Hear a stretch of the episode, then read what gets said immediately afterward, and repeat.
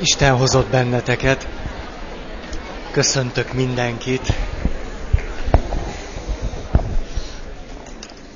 Az idei év utolsó alkalma. Legközelebb január 6-án fogunk találkozni, kedden, ha ti is úgy akarjátok.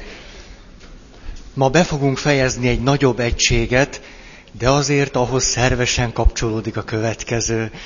De minden esetre végig szeretnék menni azon a tíz kérdésen, amelyeket Carl Rogers tett föl, és mindezt abból a szempontból fogjuk most megnézni, ahogyan az első négy kérdéssel kapcsolatosan ezt tapasztalhattátok, hogy megnézzük, hogy annak a kérdésnek a tartalmára vonatkozóan, amelyet Rogers föltesz, milyen hitbéli kérdést tehetünk föl, és milyen kérdést a lemondás oldaláról.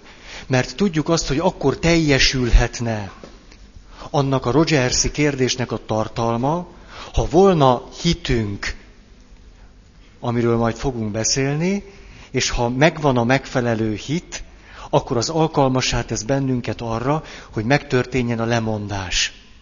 Itt tartunk valahol. Most nem akarok hosszabban részletekbe menni, hogy mi volt eddig, mert ez az utolsó alkalom. Az első kérdés így hangzott, tudok-e úgy létezni, hogy a másik átélje, bízhat bennem? Ez volt a Rogersi kérdés, és akkor hozzátettük azt a hitbéli kérdést, hiszek-e abban, hogy van értelme megmutatnom a gyöngeségeim? Hiszek-e abban, hogy ha megmutatom magam olyannak, amilyen vagyok, akkor leszek megbízhatóvá? És a lemondás, le tudok-e mondani a hiteltelen kijelentések adta békéről? Ez volt az első. Második. Tudom-e a másikkal pontosan közölni, hogy ki vagyok, és milyen vagyok valójában? A hittel kapcsolatos kérdés, hiszek-e abban, ha megmutatom magam, ez nem jelent veszélyt rám nézve? Hiszek-e abban, hogy akármilyen vagyok, vagy teszek, értékes vagyok? És a lemondás, le tudok-e mondani azokról az előnyökről, amelyek a neked való megfelelésből, látszatból adódnak. Hármas. Megengedhetem-e magamnak, hogy pozitívan érezzek, és ezt kifejezzem irántad? A hitbéli kérdés. Hiszek-e abban, hogy van értelme a szeretetünket kifejezni, bár nem tudhatjuk annak minden következményét? illetve hiszek-e abban, hogy ha szeretek valakit, az a kapcsolat lehet számomra biztonságos. És a lemondás, le tudok-e mondani a távolságtartás adta biztonság érzetemről. Illetve le tudok-e mondani a pozitív megnyilvánulásaimról, ha az a másik javát nem szolgálja. És a negyedik, ez volt az utolsó. Elég erős vagyok-e, hogy függetlenítsem magam tőled? A hitkérdés, hiszek-e abban, hogy nélküled is értékes vagyok? Hogy nélküled is vagyok valaki, és tudok önmagam lenni? És a lemondás, le tudok-e mondani arról a biztonságérzetről, jó érzésről, hogy úgy érezzek, gondolkodjak, ahogy te, mert akkor tartozhatok hozzád. És le tudok-e mondani arról a kényelemről, hogy ne kelljem a magam útját járni. Ez volt az első négy. Jó sűrű, ahogy most mondom. És itt a lap alján ez a szó áll farkinca. Úgyhogy itt visszatértünk a dolgok végéhez, és akkor most kezdünk azt mondja, elég biztonságban érzem-e magam, hogy ne zavarjon az önállóságod. Így volt az ötös, elég biztonságban érzem-e magam, hogy ne zavarjon az önállóságod. Azt mondja Rogers, hogy A kevésbé alkalmas és fölkészült segítő kimondva kimondatlanul akkor érzi magát biztonságban, ha az, akivel beszélget, olyanná válik, mint ő maga. Vagy erőnek erejével, vagy csak úgy finoman, esetleg piciny manipulációval, kicsiny ráhatással, nagy jó szándékkal, egyebekkel, akkor nyugszik meg, ha te szép lassan olyanná kezdesz válni, mint ő. Ez adja neki a biztonságérzetet. Aki már profibb, az képes megengedni neked azt, hogy te egy olyan úton indulj el a fejlődésben, ami adott esetben épp nem az, mint ahogy milyen ő úton ő jár. Ehhez már kell némi profizmus, hogy képes legyek téged nem csak engedni, segíteni egy olyan úton, ami adott esetben nekem, te minél tovább mész azon az úton, egyre több nehézséget okoz. Mondjuk egy házastársi kapcsolatban, mikor elkezd a két életpálya valamilyen értelemben egymástól eltávolodni. Mert kiderül az, hogy az egyiket valami olyasmi kezdi el nagyon foglalkoztatni, ami a másiknak nem érdekes. És be tudsz-e szállni abból, hogy adott esetben támogasd őt egy ilyen úton. Ez már komoly kérdés. Ugye itt ilyen finom dolgok jönnek ám elő, például, hogy csábítás. Meg tudom szerezni esetleg azt a biztonságérzetet, azáltal, hogy téged a saját képemre és hasonlatosságomra formállak, hogy finoman és óvatosan csábítlak. Ezzel tulajdonképpen megkérdőjelezem a te szabad döntésedet, befolyásollak, sőt manipulállak téged. Vagy olyasmi, hogy hódítok. Alkalmas pillanatban, mikor úgy érzem, hogy úgy kezdenél a magad útján járni, akkor bevetek egy trükköt. Hölgyek, hogy szoktátok ezt csinálni? Csillának egyetlen egy ilyen sincs a tarsójában, úgyhogy nem tudok én se példát hozni. Tehát a hölgyek nagyon jól tudják, hogy kell az ilyesmit csinálni. Férfiak, kérdezzétek meg a nőket, úgysem mondják el. Birtoklás, hatalom, egyebek. Le tudsz-e mondani arról? A... Volt valaki, aki mindig azt mondta nekem, hogy én nem értem, Feri, hát jön hozzám esetleg valaki egy tanácsér, hogy hát mit kéne csinálni. Hát olyan világosan megmondom neki mindig, hogy mi a dolga. Hát annyira egyértelmű, hogy mit kell csinálni. Nem értem, hogy a saját életemben miért nincs így. Abban miért nem tudom ennyire világosan. Ugye, és a következő lépés, hogy szépen számon is kérem rajtad. Nem megmondtam, hogy mit kell csinálni? Hát annyira világos volt. Le kell tenni azt a kötögetni valót, nem azért jöttél ide. Mit képzelsz?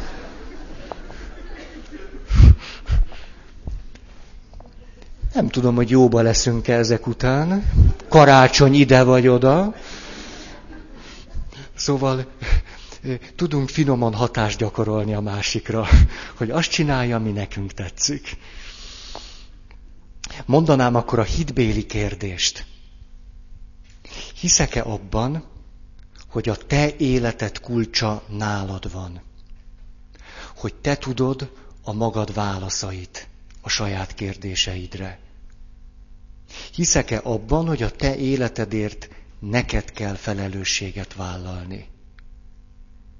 És ugye ebből az is következik, hogy hiszek-e abban, hogy az életedért felelősséget vállalsz, akkor fejlődni fogsz.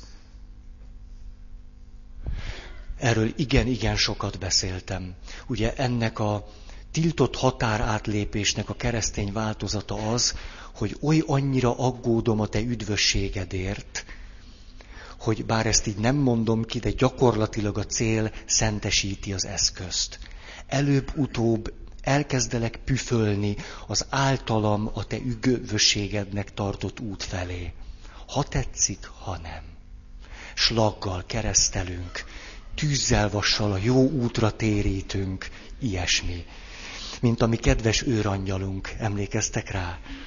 Tehát előbb, szóval nagyon, nagyon szeretjük egymást, nagyon, kifejezetten, de azért kedves Lia, előbb-utóbb betelik a pohár, és akkor gyóntató papok. Hú, ez egy milyen, milyen tipikus hatalmi helyzet.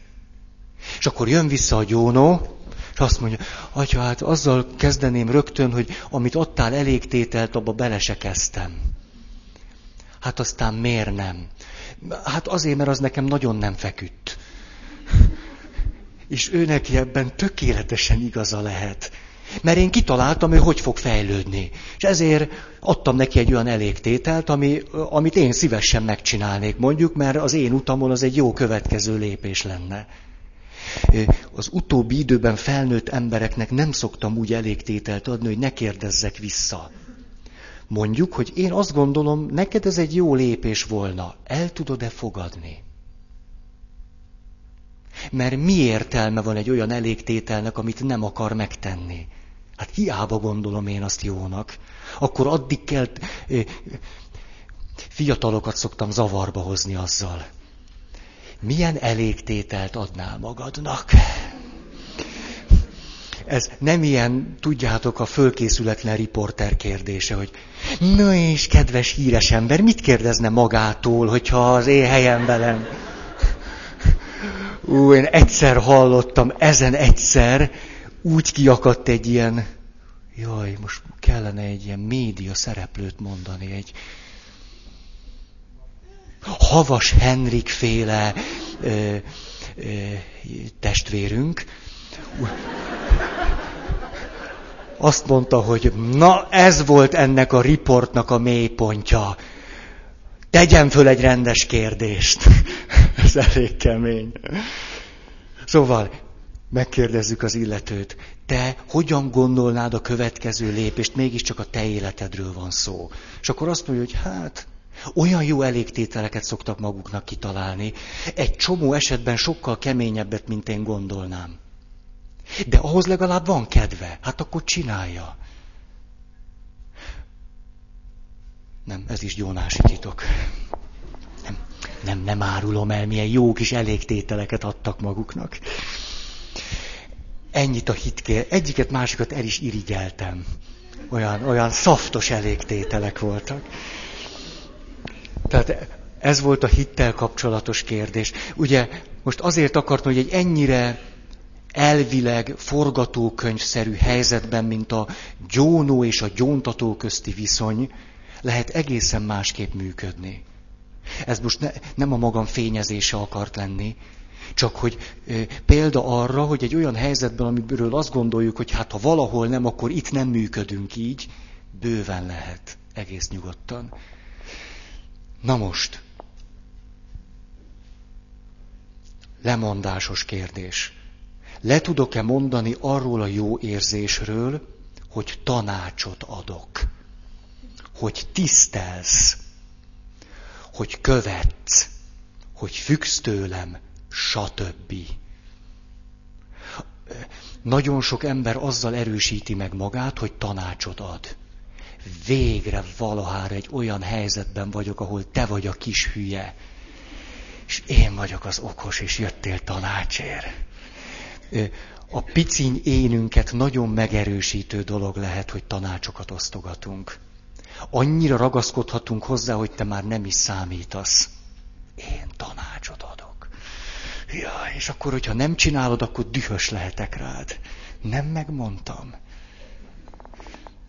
Ez tehát az ötös pont. Hatos. Elfogadhatlak-e téged? Ez ilyen egyszerű. Elfogadhatlak-e téged? Persze olyannak, amilyennek mutatod magad, amilyen vagy. Rogers azt mondja egyértelműen, megint csak ismétlem magam, amiben nem fogadlak el téged, abban nem segítem a fejlődésed. Ez nagyon furcsa, mert elvileg azt gondolnánk, hogy csinálsz valami rosszat, nem fogadlak el, és addig nem fogadlak el, míg ki nem javítod. Hm, hm, hm. Ebből meg semmi se lesz. Tehát úgy tűnik a dolog nem így működik, hanem úgy, hogy csinálsz valamit, ami nem tetszik, ezt megmondom, és közben meg nagyon-nagyon-nagyon szeretlek. Hát próbállak elfogadni, és ha eléggé érzed azt, hogy még így is jó vagy nekem, Na, egye fene. Akkor esetleg. Különben meg juss se. Jaj, most meg férfiak bólogatnak. Az szokott kiderülni, hogy az a dolog, amiben nem fogadlak el téged, egy olyan pont, amiben én félek. Félek, hogyha elfogadnálak téged, akkor velem mi lesz. Egy komoly aggodalom vehet ilyenkor rajtunk erőt. Ugyanis mondjuk fölépítettük az életünket valahogy kerekké. És ez meg kilóg a sorból. És ha elfogadom, hogy te, te tényleg csinálhatod azt, hogy nem mosogatsz el minden este. Leéltem 30 évet az anyám mellett úgy, hogy 50 ezer ideológiai válaszom volt már nekem is arra, hogy miért kell elmosogatni minden este. És erre most engedjem meg neked, hogy te nem. Hát, ez jó, azért lehet, hogy a feleségem vagy, de azért a mosogatni valót azt ragd rendbe. Nyilván banális, primitív, amit mondok. Egy-egy ilyen nyúlfarknyi dolog egy egész rendszer megváltoztatását hozza magával. És ezt nagyon nem szeretjük, mert ez veszélyeztet minket. Mert valahogy legalább otthonosak voltunk egy bizonyos rendben. Igaz, hogy ez egy viszonylagos rend, de olyan jó volt különböző ideológiai szempontokkal körbe bástyázni, és azt mondani, hogy ez így normális. Ez így természetes. Emlékeztek ugye, hogy milyen gyakran mondom azt, hogy a beszélgetéseimnek körülbelül egy negyed része arra a rugóra jár, hogy arra vagy kíváncsi, hogy szerintem te normális vagy-e. Egy negyed, egy harmad körülbelül. Most mondom, ti itt mind normálisak vagytok, mindegy szálig. Jó, most, ez az egyik karácsonyi ajándékom. Na, ugye, föltehetném azt a kérdést, miért van szükségem arra, hogy elutasítsalak? Miért? Mit úszok meg ezzel? Ahogy egy kedves anyuka mondta nekem néhány pár hónappal ezelőtt, azt mondta, Ferenc atya, féltem a gyerekeimet attól a szabadságtól, ami benned van. Ez félelmetes. Az én kisfiam nálad fog készülni az első áldozásra, na én ezt ötször is meggondolom. Furcsa, nem? De ez az anyuka legalább kőkeményen őszinte. Nem biztos, hogy a gyerekemet rád bízom, kilenc éves kisfiú, mert félek attól a szabadságtól, amit te közvetíteni fogsz neki. Emlékeztek, hogy mit mondtam erre? Hogy akkor ezek szerint szeretni a félelmét is átadni a fiának. Micsoda? Hát ebből az következik. Ugye legy, ő is féljen attól, amitől én. Ugye 68 éves anyuka 42 éves fiának, mikor távozik. Sapkát nem veszel? Nem.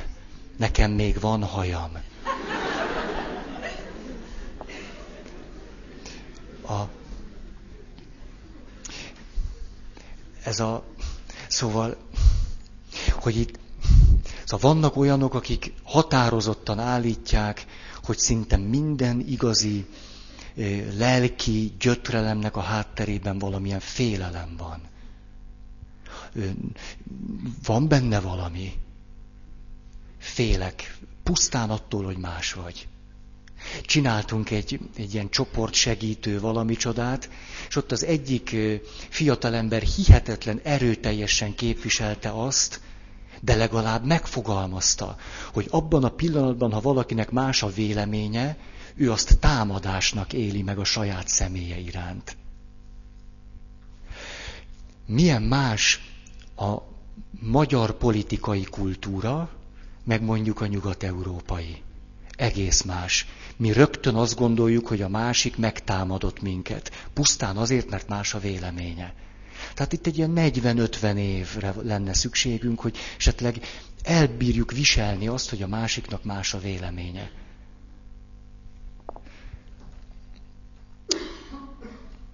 Igen, eszembe jutott egy tisztességes gyónás, így karácsony előtt. Valaki bejött, és azt mondja, gyónom a mind, ezt így szabad, tudjátok. Gyónom, mit is gyónok? El, kicsit elgondolkozott, elmúlt harminc évemet.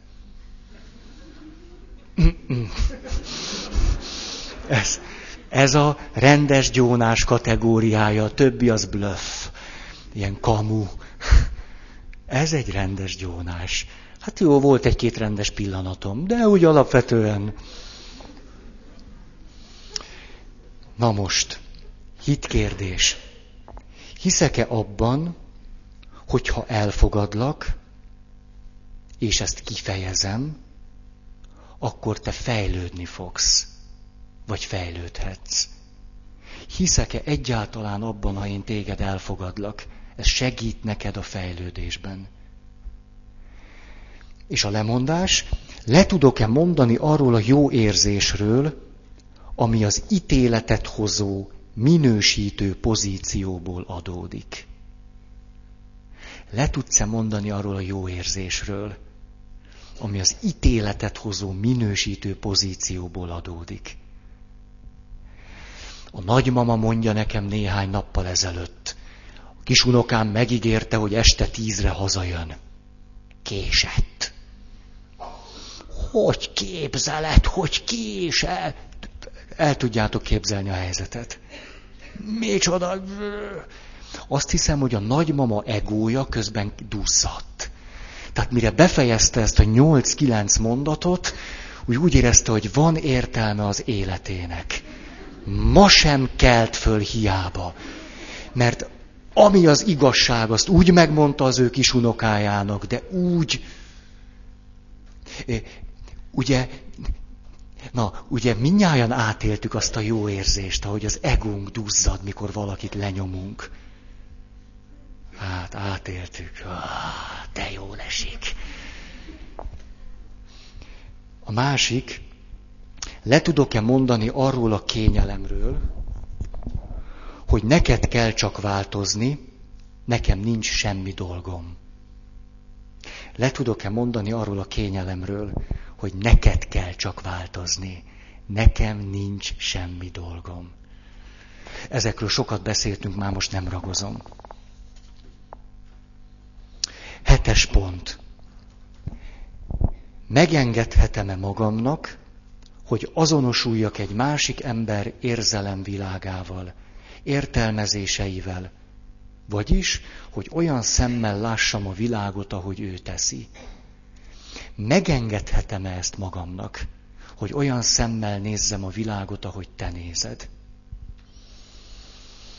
Emlékeztek erre a mondatra, ha találok valakit, aki részben megért, az az élményem támad, hogy jött valaki, aki nem ért meg. Egy teológia professzoromat szeretném idézni, ez legalább 11-2 éves élményem, aki olyan 74-75 éves korában fundamentális teológiát tanított, és az egyik alkalommal szenvedélyesen beszélt arról, hogy egy néhány hónappal ezelőtt lévő nemzetközi konferencián őt egy női teológus majdnem megnyőzte a nők pappá szenteléséről. Hol leszek én 74 évesen ilyen jó fej? Hogy én hallgassak egy nőt,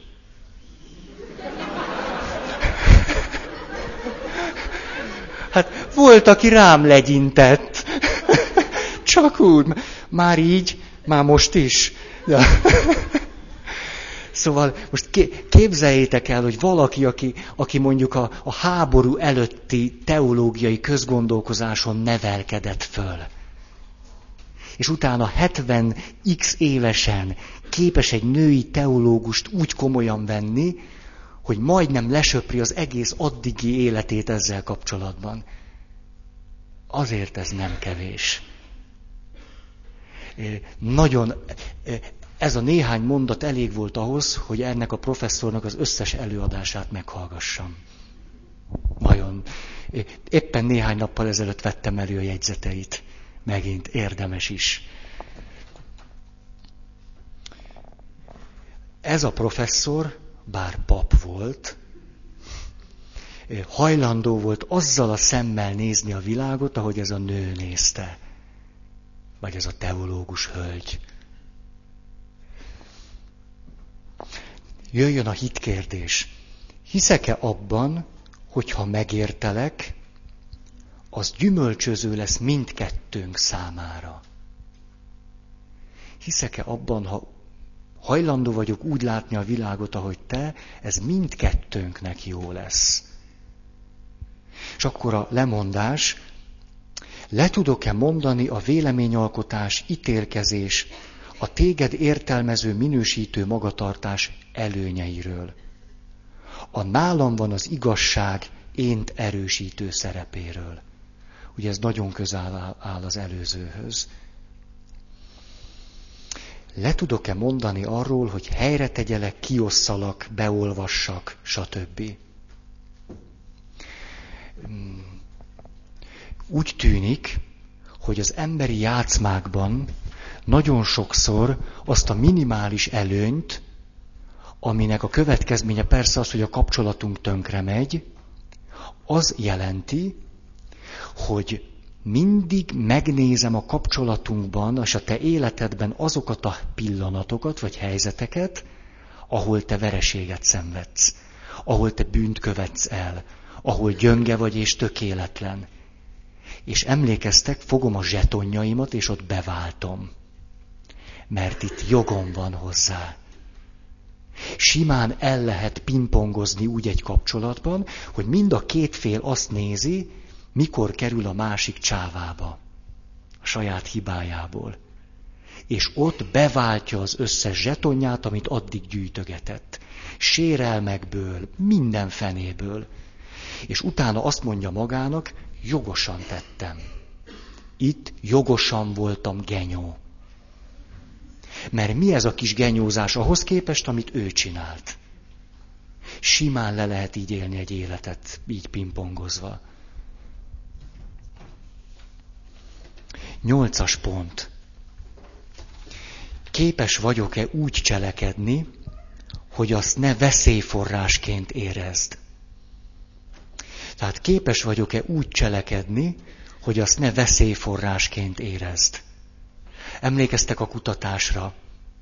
A terapeutának vagy segítőnek az egyetlen olyan mondata, hogy na hát milyen fáradtnak tűnik ma hatalmas érzelmi hullámokat jelent. Veszélyként élheted meg ezt a nagyon egyszerű mondatot. Mondom a hitbéli mondatot. Hiszek-e abban, hogy ha megszüntetem a külső veszélyforrásokat, ez én is vagyok. Egy veled való kapcsolatodban én egy külső veszélyforrás vagyok. Tehát ha megszüntetem magamat, mint veszélyforrást, akkor képes leszel a belső veszélyforrásokkal szembenézni. Ez nagyon fontos. Ameddig jobban félsz tőlem, mint attól a dologtól, ami megakaszt téged az életedben, addig velem fogsz küzdeni. Valahogy el kellene jutni a kapcsolatainkban oda, hogy kevésbé félj tőlem, mint a saját nyavajától. Mert akkor merheted és tudhatod az energiáidat a saját gondod megoldására fordítani, és nem velem kell küzdened. Megint csak család segítésben klasszikus, hogy az igazi problémáról soha még csak szó sem esik azért balhéznak, azért küzdenek, azért hárítják át a felelősséget, azért van mindig valami kettejük között, hogy ne kelljen külön-külön szembenézni azzal, hogy mi van velem belül, hogy mi is az én igazi gondom. Ugye Erik Burnest úgy mondta, amikor két ember kapcsolata vircsaftá válik, a fejlődés megállt. Két ember kapcsolata könnyen válik vircsaftá. Akkor támadunk, és védekezünk, és okolunk, és minősítünk, és szidalmazunk, és hárítunk, és minden.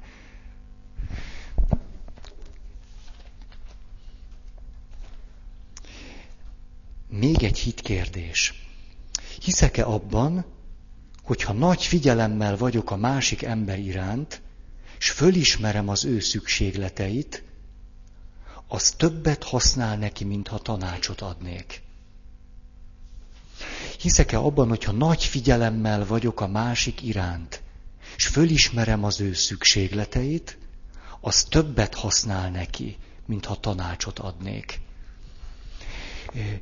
jegyzőkönyv megbeszélésen voltam, leendő lelki gondozók jegyzőkönyveinek az elemzéséről volt szó, kórházi lelki gondozás volt, és azt mondja az egyik, hogy a beszélgetésnek a beteggel a kulcspontja az volt, amikor már több mint fél órája hallgattam az ágy mellett ülve azt, hogy a beteg számomra hihetetlen, érdektelen, közömbös dolgokat mond, majd egyszer csak elvesztette a fonalat, és visszakérdezett, hol is tartottam? És azt mondja ez a leendő lelki gondozó, pontosan tudtam, hogy miután megadtam neki a választ, hogy mi volt az utolsó néhány mondata, hogy most tudunk elkezdeni beszélgetni. Egy ilyen banális pillanaton múlhat az, hogy most már bízok benned. Mert gondoljátok, hogy ott az ágyon fekve ő nem tudta azt, hogy mellé beszél? Hát persze, hogy tudja. Fél. Védi még magát. Hiába mondta azt, hogy kedves lelki gondozó bácsi, jöjjön, mert tele vagyok problémával. Attól ő még fél. Hiába mondod a férjednek vagy a feleségednek, hogy üljünk már, ezt beszéljük meg. Hát tele lehetsz félelemmel. Ez nyilvánvaló. És elég egyetlen egy pillanat, hogy látod, hogy a férjed a távirányító felé kacsintott. És ennek annyi.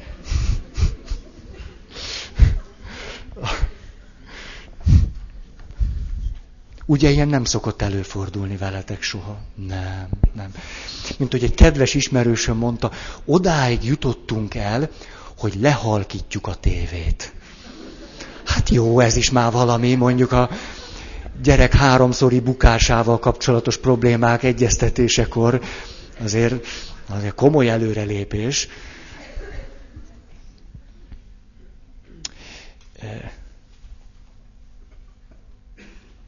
Oké. Okay. De ne ezt az élményemet még elmondom, mert én ezt egyébként egyáltalán nem hittem így.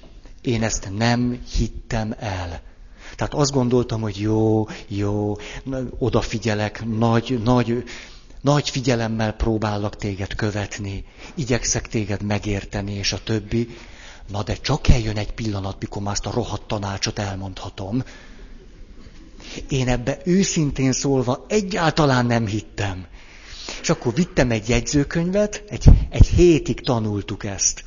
És azt mondtam, hogy ide figyeljetek, ezzel most nagyon sok múlik. Ti most engem meggyőzhettek, de kössétek föl a gatyát, és akkor egy egész csoport engem pofozott. 25 szerepjáték, egy napig foglalkoztak velem. Egy egész napig, reggeltől estig én voltam a téma. És a végére beláttam, hogy így van. Addig gyúrtak, gyömöszöltek, persze hagytam, hogy beláttam, hogy ez így van. Kivéve krízis, akkor világos, azt kell mondani, hogy ezt tudjátok. Krízis, öt perc múlva telefonál, tehát akkor utasításokat adsz, mert nem tud felelősen dönteni. De egyébként nem. Tehát az öngyilkossági fantáziák kivételt képeznek. Tehát jön hozzád valaki, hogy kifentem a kést. Akkor nem elég, hogy meghallgatod. Nem elég. Tehát kérdez rá a késre, egyebekre, hogy jó, jól sikerült-e, biztos-e a dolog, tudja-e, hogy hova rakta, meg ilyesmi. Ha nem sikerülne, mi lesz a második megoldás? Tehát azért menjen biztosra.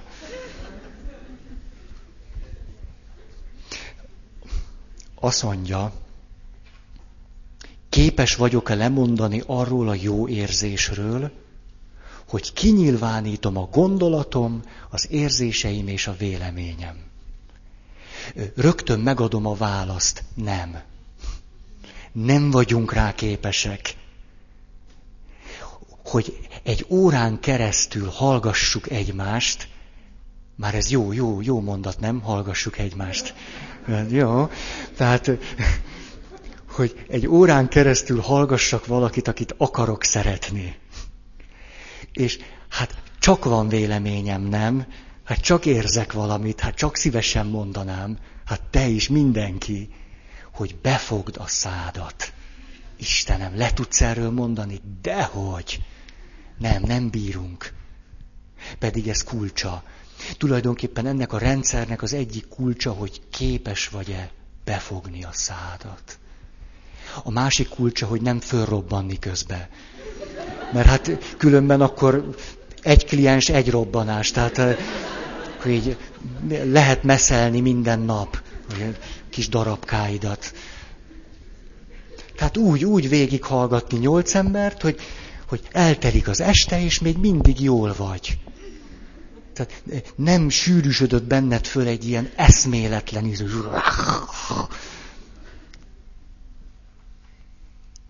Hát jó, jó. Úgy, jaj, jaj, asszonyok, lányok, hölgyek, hallgassatok. Mert a, most tudjátok, az jutott eszembe, mikor, a, mikor mondjuk egy év munkája után a férfi eljut oda, hogy na jó, beszélek az érzéseimről. És három mondat után a nő közbevág. Hát tudod, mikor próbálja meg még egyszer. Hát akkor fogod, megállsz, gyújtasz egy, egy gyertyát, levegőt is alig veszel, ameddig be nem fejezi. Na, ugye értitek, miért mondom? Mert mi, mi történik ilyenkor? Hát mi? Egyszer csak, micsoda, elkezdett beszélni az érzéseiről. Jaj, de jó, képzeld el, hogy tehát... Fél óra múlva csöngetnek, tudod. Istenem, mennyit tudnátok a férfiaknak segíteni ezzel? Jaj, rengeteget. De mindegy, ti csináljátok nekem, mert... Ez volt a nyolc. Kilenc. Meg tudlak-e szabadítani a külső értékelés veszélyétől? A pozitív értékelés is komoly veszélyforrás. Mert ha én pozitívan értékellek téged, mondjuk megtanultam a lélektanászoktól, hogy hét a három arányban kell dicsérni. Így. Hét a három arányban, az az optimális. Tehát hét a három arányban dicsérlek, ennek mindenképpen lesz egy olyan hatása, hogy aki dicsér, az minősít. És ha pozitívan minősítettél, akkor megvan a lehetőséged arra, hogy negatívan is minősíts. Ezért a minősítésről úgy, ahogy van, nem kell lemondani, hát néha az, az elemi fontos, világos.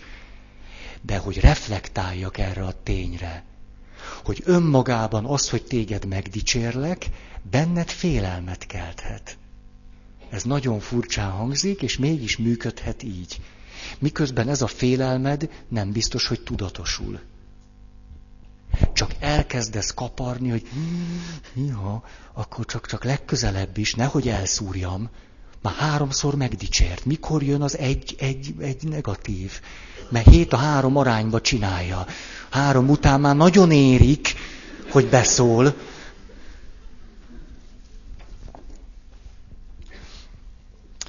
mondom a hit mondatot. Hiszek-e abban, hogyha nem ítélkezek, minősítek, értékelek, hozzásegítlek ahhoz, hogy önmagadért felelős személy legyél. Mert hát végül is erről van szó. Hiszek-e abban, hogy ha nem ítélkezek, nem ítélek és minősítek, nem értékellek, hozzásegítlek ahhoz, hogy önmagadért felelős személy legyél.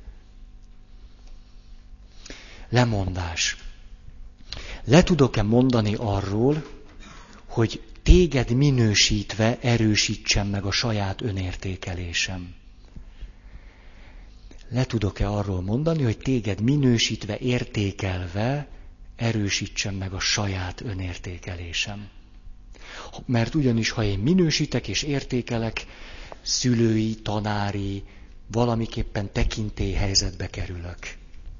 Ha tetszik, ha nem ez így van, és ez lehet nekem nagyon kellemes.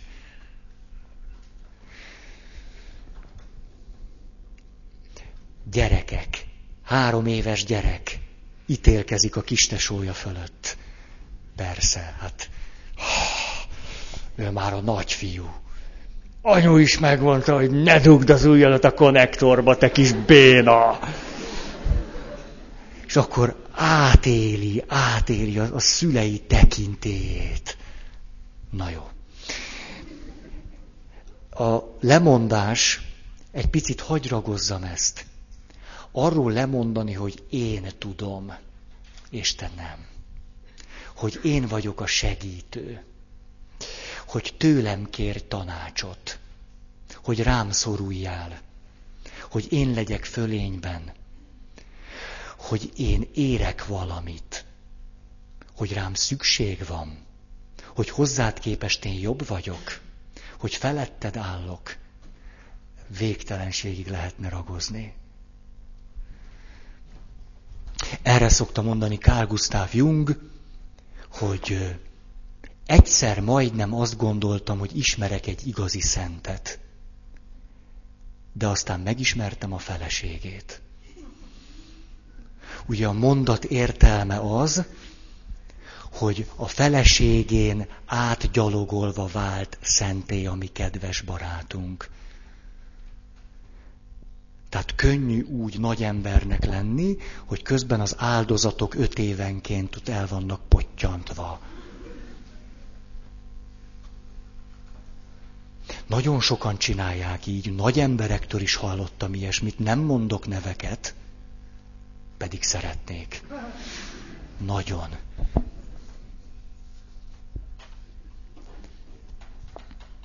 Ugye erre a katolikus berkekben szokták mondani, hogyha egy házas embert szenté avatnak, akkor azt a felesége érdemli meg. És hogyha nézzük ezeknek a nagy, szent férfiaknak az életrajzát, bizony-bizony van benne valami. Van. Van. Doktor Boldog Battyányi Stratman László, orvos, doktor, doktor, szent, boldog, nak az ő felesége. Na jó. Tízes pont képes vagyok-e elfogadni azt, hogy te most is fejlődsz? Hát visszafelé, de hát azért valamerre csak fejlődsz. Ezt most hülyeségből mondtam. Tehát, hogy most is fejlődsz, és erre képes vagy, és alkalmas. A Martin Buber a következőképp mondta ezt, hogy akkor teremtem meg a te fejlődésed lehetőségét, ha veled való kapcsolatodban hitelesítelek téged. Ez egy nagyon érdekes kifejezés. Vagyis, hogy azt is látom benned, amivé lehetsz. És ha én ezt is látom benned, ezzel hitelesítelek téged. Ez lehet a nagyon nagy veszélye annak, hogy egymást diagnosztizáljuk, elemezzük egy pillanat alatt ki tudjuk mondani egymásról a, a véleményünket. Hogy te neurózistól csüpögő, anyakomplexusos, patológiás paciens. A, azt mondja a tapasztalat, hogy a segítő minél inkább egy kialakult véleménnyel fordul a másik felé, az szép lassan adnál inkább abba az irányba fog fordulni. Hiszen én minden megmozdulásom, kérdésem, iránymutatásom, tanácsom, ha eleve béna vagyok, ebbe az irányba tereli majd őt. Emlékeztek erre, hogy gyárthatunk hipotéziseket a saját életünkkel kapcsolatban is. Hogy most azért vagyok ilyen helyzetben, mert még mindig az apám véleménye fontosabb, mint a sajátom. Mondjuk. Ebből arra a hipotézisre következtetek, hogy mindegy, nem is mondok semmit, de ez egy hipotézis. Csak arra jó, hogy valamit fölismerjek abból, amilyen vagyok. És utána az egészet dobjuk ki a szemétbe használjuk egy picit, ameddig tudunk általa fejlődni. Igen, tehát minél inkább van egy hipotézisünk, annál inkább segítünk abban, hogy a hipotézis valóra váljon. Azt mondja,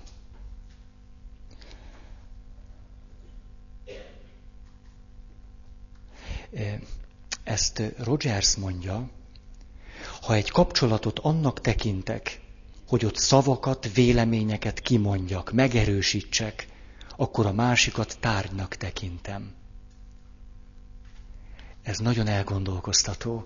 Ha téged pusztán annak az eszközévé degradállak, hogy legyen valaki, akinek a véleményemet elmondom, akkor téged tárgyiasítlak.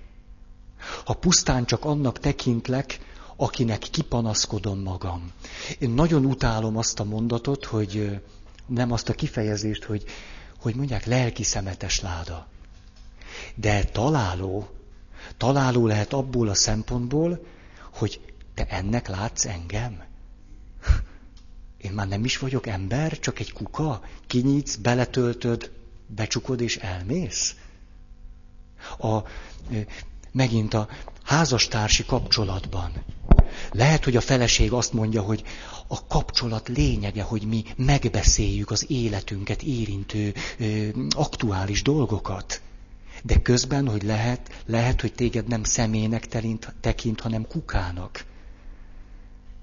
Kell neki egy férfi fél órára, taposás, kinyílik, elenged, becsukódik, tévézhet. és ha a kuka nem nyílik, dühös lesz, rugdalja a kukát. Nyíj, te rohadt kuka, azért vagy. Majd elgondolkozik a kuka lecserélésén.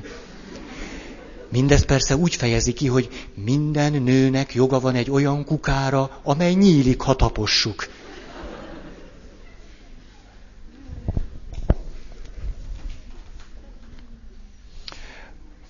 Csilla fogok még karácsony előtt gyónni.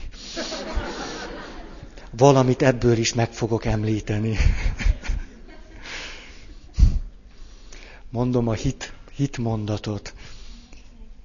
Igen, mondhatnék egy férfi példát, de férfi vagyok, tudod, az a baj, és a, ahhoz sokkal jobban meg kéne erőltetnem magam. Na, ahhoz meg nincs kedvem. De majd igyekszem, majd szilveszterkor a pesgős pohárral a kezembe valamilyen fogadalmat fogok tenni. Hogy hét a három arányba szídjam magunkat. Tehát ez nem szídás, csak segítek, tanácsokat adok. Szóval, hiszek-e abban, hogy a másik mindig több annál, mint amit éppen mutat vagy kifejez? Tudjátok mit? Ezt most nagyon komolyan. Hogyha egy, egy nagyon, szóval hogyha ajánlatok nekem egy olyan hölgyet, aki ideálna egy óra 15 percre, akkor mondhatna egy csomó olyan példát, ott fogok ülni, amiben minket gyaláznak. Ezt nagyon komolyan, annyi, na, annyira szívesen meghallgatnám. Tényleg adjatok tanácsot, és akkor csinálhatnánk egy ilyet, mondjuk bolondok napján, áprilisás.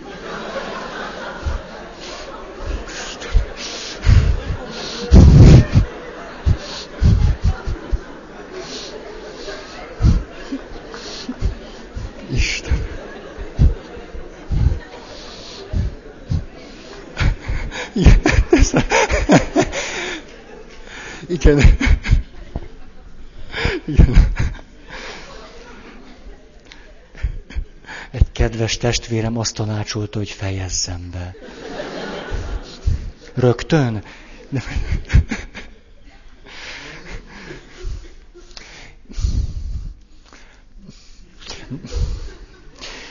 Na, nehéz napom volt ma. Komolyan. Ezt elhisszük. Tényleg, tényleg, tudjátok, egész nap gyóntattam. Ez látszik is rajtam. És tudjátok, néha egy kicsit sok.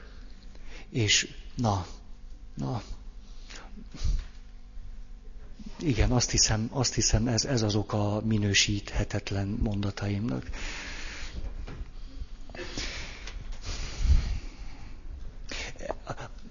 Egyszerűen csak nem bírtam ki a végén hozzámondani az április elsőjét, az egész addig itt nagyon-nagyon komolyan gondoltam. Tényleg.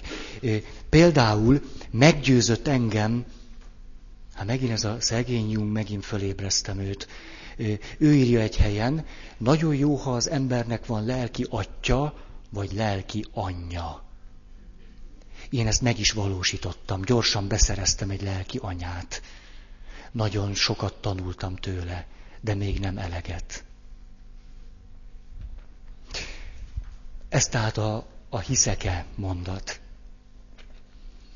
Le tudok-e mondani arról a bizonyosságról, biztonságérzetről, hogy valakit beskatujázzak, hogy megmondjam, hogy ő kiféle, miféle.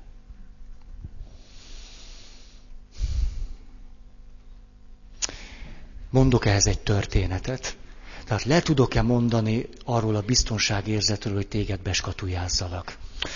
A, nem olyan régen elhagyta hivatását egy fiatal pap. Egy nagyon jó papról van szó, akiről azt mondta a környezete, hogy minden papnak ilyennek kéne lennie. Na most, azok, akiket ez a paptanár tanított, azokat ez a dolog hihetetlenül megrendített. Nagyon. És nyáron együtt voltunk a táborban, és följött ez a kérdés, hogy most kit kell szídni. Tehát valahogy így jött elő. És akkor ez volt a leg, az egyik legizgalmasabb belépő, rögtön két pártra szakadtak, fiúk, lányok. Mert a lányok azt mondták, hogy hát a lányt azt nem kell szídni. Hát miért kellene? Hát a, a, a pap volt az érettebb, a komolyabb, neki kellett volna tudni. A fiúk azt mondták, kizárólag a lányt kell szídni. Hát a lány lehetett volna okosabb, hát tudhatta volna azt, hogy az egy hivatást választott meg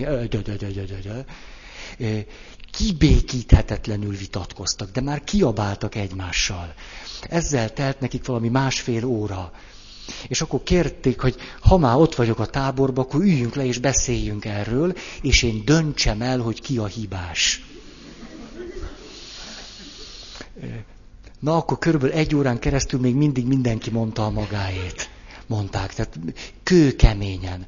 Az egyik azt mondta, hogy a kislány ártatlan másik azt mondta, a pap ártatlan, a másik a gazbűnös. És minden erőmmel azon voltam, hogy megpróbáljam külön-külön megmutatni nekik azt, hogy lehet másképp is látni, mint ahogy ők látják. És hogy nem abszurdum, ahogy a fiúk látják, vagy ahogy a lányok. Semmire sem mentem. Semmire. Úgy álltak föl, hogy mindenki megmaradt kőkeményen a magas katujájánál. Meg is mondtam a végén, hogy ennek azt gondolom az egyik oka az, hogy nagyon nagy kihívást intézne felétek az, ha egy kicsit is meg kéne érteni a másik felet. Erre ti most nem vagytok még fölkészülve. Nem tudtok lemondani arról a biztonságérzetről, hogy legyen egy gazbűnös, és legyen egy ártatlan áldozat. Nem tudom, hogy azóta hol tartanak ebben. ez volt a tíz pont.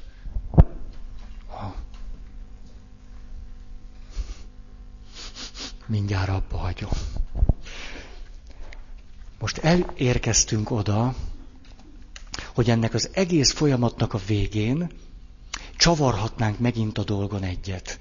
Ugye a hit és a lemondás az azért került bele a gondolkozásunkba, mert kiderült az, hogyha képes vagyok hinni és lemondani, akkor ez meg tud engem erősíteni. De úgy, hogy képes vagyok az énről lemondani, azért, hogy az valami énnél többet meg tudjak nyerni. Mert a, a hit valami énnél többre vonatkozott, a lemondás pedig valami én szerűre vonatkozott. És ha erre képes vagyok, ez azt jelenti, hogy a személyiségem tud erősödni, az életem személyesebbé tud válni, nem pedig egoistává, vagy individuálissá. Ehhez szükségem van az énnél többen valamiben hinni, és az valami énszerűről mondani. Na most van egy olyan folyamat, ami klasszikus esete annak, hogy valaki lemond valami én-szerűről, sőt, adott esetben a, az eddigi egész énjét lerakja, és hisz valamiben, ami meg kifejezetten több, mint az én. Nézzük meg most ezt a folyamatot. Ez a folyamat éppen ellentéte annak a néhány mondatnak, ahogy nagyon egyszerűen és vázlatosan leírtuk, a szenvedélybetegségnek, vagy az alkoholfüggőségnek a belső logikáját. Épp az ellentéte lesz. És ez a folyamat a megtérés. De, de, de, de, de, nem csak vallási megtérés van, és én most kifejezetten nem csak a vallási megtérésről szeretnék beszélni, hanem arról a lélektani folyamatról, amelyet ezzel a szóval illetünk, hogy megtérés, de létezik esztétikai megtérés. Valakinek az addig a szépről alkotott véleménye, amivel azonosult, és ami kitöltötte a magatartásmódját, a cselekvésmódját, a gondolkozásmódját, az érzelemvilágát, gyökeresen megváltozik. Ezt nevezhetjük esztétikai megtérésnek. Létezik pusztán erkölcsi, morális megtérés, vallásos megtérés nélkül. Tehát nagyon sokféle megtérés létezhet, ugyanaz a többé-kevésbé ugyanaz a lélektani folyamat játszódik le, az én, énnek bizonyos fokú megsemmisülése, vagy teljes elvesztés élménye, és aztán az ebből fakadó újjászületés élmény. Egyáltalán nem véletlen, hogy a szenvedélybetegeknek a gyógyulása majdnem minden esetben valamilyen megtérés szerű folyamat által történhet csak. Nem véletlen, hogy az anonim alkoholistáknak a 12 pontja, vagy 10? 10 vagy 12? Hogy? 12, köszönöm. Hogy az anonim alkoholisták 12 pontja az olyan mondatokat tartalmaz, hogy belátom azt, hogy a saját erőmből nem bírom lerakni a poharat. Tehát az, az énnel kapcsolatos a radikális kijelentés. És aztán, hogy szükségem van egy nálamnál hatalmasabb erő segítségére. És az anonim alkoholistáknak a tevékenysége sokkal nagyobb hatásfokú, mint egyébként ilyen, ilyen klasszikus, klasszikus klient segítő kapcsolatok. Tehát azt látjuk, hogy hogy miközben az illetők nem kell, hogy föltétlen vallásossá váljanak, vagy keresztényé váljanak, a belső logikája a megtérésnek a logikája, vagy ahhoz nagyon hasonló logika. Az énnek a radikális megkérdőjelezése, amely kapcsolódik a szenvedélybetegséghez, és valami annál többhöz való kapcsolódás. A azt mondja,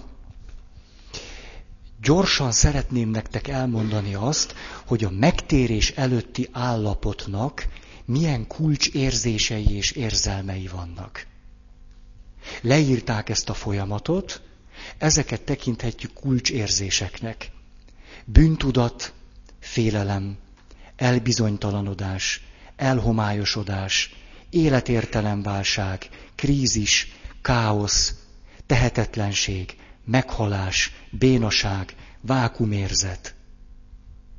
Azért ez szép lista. Ezt éli át az a valaki, aki a megtérés előtt van. Emlékeztek ugye, hogy a lemondás mire vonatkozik? Arra, hogy egy olyan lelki állapotba hozzam magam mondjuk az alkohol révén, ahol enyhíteni tudom a bűntudatomat, a félelmemet, a bizonytalanságomat, a elhomolyosodásomat, a válságomat, a krízisemet, a káoszomat, a tehetetlenségemet és a többi. Vagyis nagyon jól megfeleltethető egymásnak ez a két folyamat. Azt látjuk, hogy a megtérésnek, itt most nem vallási értelemben, az újjászületésnek az előföltétele az, hogy lemondok azokról az ideig, óráig tartó enyhületekről, amelyek oldják félelmet, szorongást, stb. stb. stb. Nem véletlen, hogy nagyon sok ember esetében akkor történik csak radikális változás, amikor az illető már tökéletesen tehetetlenné vált. Tehát amikor már egyszerűen puszta esélye sincs, hogy az énből kiindulva, mondjuk a saját akaratára hivatkozva bármit is tegyen. Tehát amikor mondjuk egy egyhetes lipóton fekvés után valahogy, valahogy magára eszmél. És szét van zúzódva az arca, az alkoholizálás utáni esések miatt, és azt se tudja, hogy hol van. Hogy ez lehet egy olyan pillanat, amikor nem az lesz a következő mondata, hogy de lebírom tenni a piát. Hát gondolom hallottatok már alkoholista embert támolyogni, és kifejteni azt, hogy ő megbírja állni. Hogy ez csak rajta múlik, és ő ezt meg is bírja állni, de néhány hónappal ezelőtt eldöntötte, hogy most nem akarja. Igen, igen gyakori. Erre azt lehet mondani, hogy még nem esett szét eléggé. Még lejjebb kell menni. Mert még mindig azt gondolja, hogy az én énnyéhez kapcsolódó akaratával ő képes urrá lenni a saját életén. Dehogy képes. Te kívülről ezt már régen látod, már harminc éve láthatod. Ő még mindig ragaszkodik a saját énje központú élethez. Ugye az akarat az én funkciója. Az akarat az énhez kapcsolódik. Ha van egy olyan én, ami, ami életképtelen, mert tele van félelemmel, szorongással, bizonytalansággal, életértelmetlenség gondolatokkal. Az ilyen én életképtelen. Tehát egy ilyen énhez kapcsolódó akarattal nem sokra megyünk. Ha az én nem struktúrálódik át, ha más tartalmak nem tudnak bekerülni abba, amit az illető annak mond, hogy én, nem tudja letenni az alkoholt.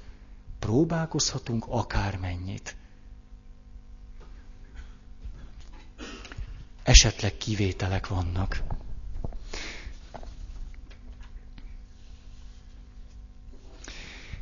Szeretném most néhány szóval elmondani, hogy a megtérésben tulajdonképpen mi történik. A megtérésről beszélhetünk úgy, hogy annak két része van. A, a megtérésnek a fontosabb része az a tudatalattiban játszódik le, a tudattalamban. A kevésbé fontos része kapcsolódik a tudathoz, az énhez, a gondolkozáshoz és a tudatosult én tartalmakhoz. Ezért Vannak, akik azt mondják, hogy különböztessük meg az újjászületést a megtéréstől. És akkor azt mondják, az újjászületés az ember mélyében történik, nem akaratlagos dolog. Azaz, ami az emberrel megtörténik. Amire az ember egyszer csak ráébred, hogy új ember lettem. Ezért közvetlenül nem tudunk semmit sem tenni. Közvetlenül. Mert egy belső és nem tudatos folyamat, ami aztán kihat a személyiségnek a felszínesebb rétegeire, többek között az énre. Mert az én a személyiségnek az egyik legfelszínesebb rétege. A megtérés pedig ennek a belső, nem tudatos folyamatnak a külső burka. Ez az, amit megtérésként látok rajtad, vagy amit te megtérésként realizálsz magadban. Ez tudatos, ez kapcsolódik döntésekhez, az akaratodhoz is, az énethez is. Nyilván a megtérésben te is benne vagy, az éned is benne van, az akaratod is, de az újjászületésben nem. Mert az a mélyben játszódik le. Azért ebből a szempontból semmit nem tehetsz. A megtérésnek a sava borsa az, hogy a te személyiséged mélyén hatalmas erők vannak. Mondjuk egy depressziós ember az én tudatába kizárólag negatív életeseményeket, életérzéseket, életével kapcsolatos gondolatokat gyömöszöl. Ott már egyetlen pozitív érzés sincs. Egy súlyos depressziós ember, amikor magáról beszél, véletlenül sem mond olyat, hogy azért három-négy órát szoktam boldog lenni egy nap. Egy súlyos depresszióban egyetlen pillanat boldogságérzés sincs. Egyetlen olyan gondolat se, hogy van még remény. Nincs remény. Egyetlen olyan fantázia vagy gondolat sem, hogy érdemes még ezt vagy azt megcsinálni, hogy egyáltalán valaminek van értelme. Ez mit is jelent? Azt, hogy az ő személyiségének a mélyén ott van egy csomó kibontatlan boldogság, egy csomó kibontatlan életértelem, egy csomó kibontatlan, nagyszerű elképzelés a jövőről. De ezek ott vannak a személyiség mélyén, és nem képesek belépni az énbe. Azokkal te nem tudsz azonosulni, pedig ott vannak. A megtérésben tehát valami olyasmi történik, hogy az én olyan mértékben megrendül, a határok széttörnek, picit hasonlóan, mint a szerelemben. Hogy a személyiség mélyéről föl tudnak jönni azok a gondolatok, fantáziák, érzések, intuíciók, azok a tapasztalatok és észrevételek, amelyek egyébként vannak. Csak egy beteg énbe nem tudnak belekerülni. A megtérésnek tehát ez a sava borsa. Az énnek a széttörése tehát mindenképpen előföltétele, vagy kísérője ennek a folyamatnak. Ugye egészen közel vagyunk ahhoz, amiről eddig is beszéltünk. Ha nem vagyok nagyon nagy bajban, akkor is ilyen, ezért szokt... Jaj, idő van már? Köszönöm, köszönöm. Ezért szokták azt mondani ilyen vallásos berkekben, hogy minden nap meg kellene térni. Ez nyilván egyszerűen csak azt jelenti, hogy hajlandó vagyok tudatosítani és beemelni önmagamba azokat a tartalmakat, amelyek esetleg kiszorultak már az énből. Igen, idő van. Le fogjuk írni a megtérés folyamatát, a megtérés fajtáit. És aztán majd összegzünk. Azt hiszem, hogy ez nagyon érdekes lesz. Köszönöm szépen. Elnézést kérek minden hölgytől. Ma is tévedtem sokat.